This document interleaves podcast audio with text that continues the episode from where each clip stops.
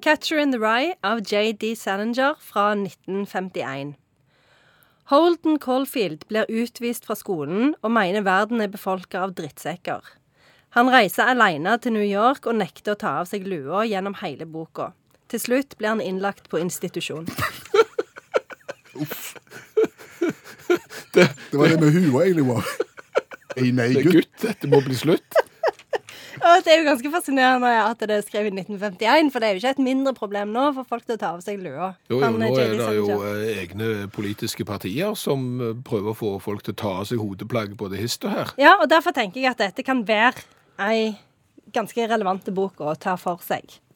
Dessuten så er det jo sånn at dette er liksom den optimale eh, ungdomsromanen. Altså den handler om den der vonde, vonde tida når du er i ferd med å bli voksen, eller du går over fra den der uskyldige barnet til liksom den mer sånn grumsete tenåringen som snart skal bli voksen.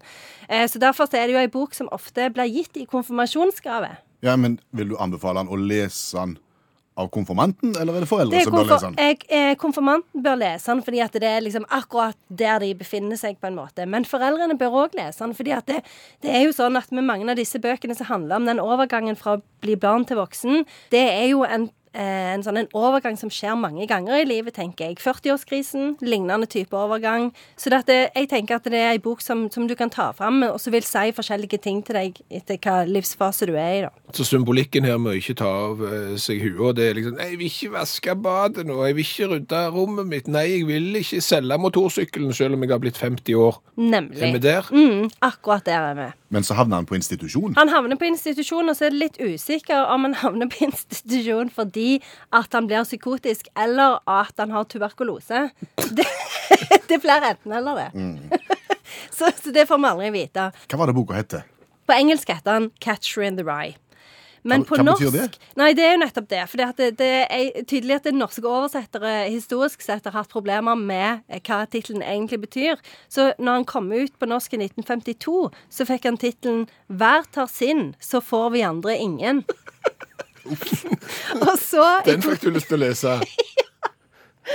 Men så i 2005, da, så kom en ny utgave, og den heter 'Redderen i Rugen'. Redderen i Rugen. Ja. Har det noe med åker og rug og, Ja. og korn å gjøre? Altså, jeg husker første gangen jeg leste en sånn en forklaring om hva tittelen betydde, så var det eh, sto det at det var en sånn en henvisning til en sånn baseball, at det var en sånn baseballterm, da. Men, For eh, catcher, den som tar imot ballen.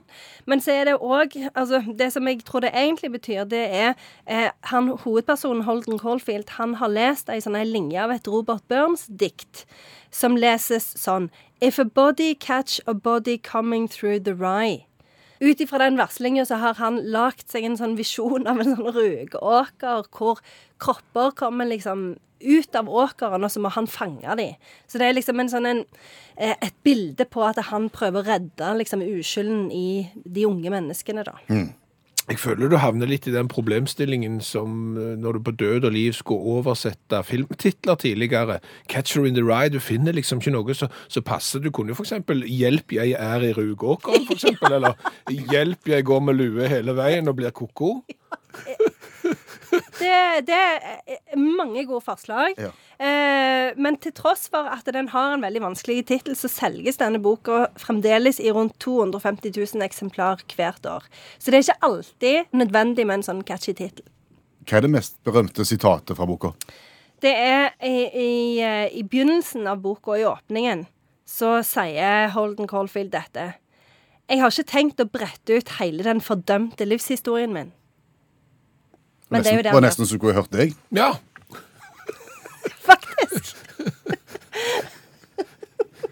Da kan du få lov til å oppsummere 'Catcher in the Rye'.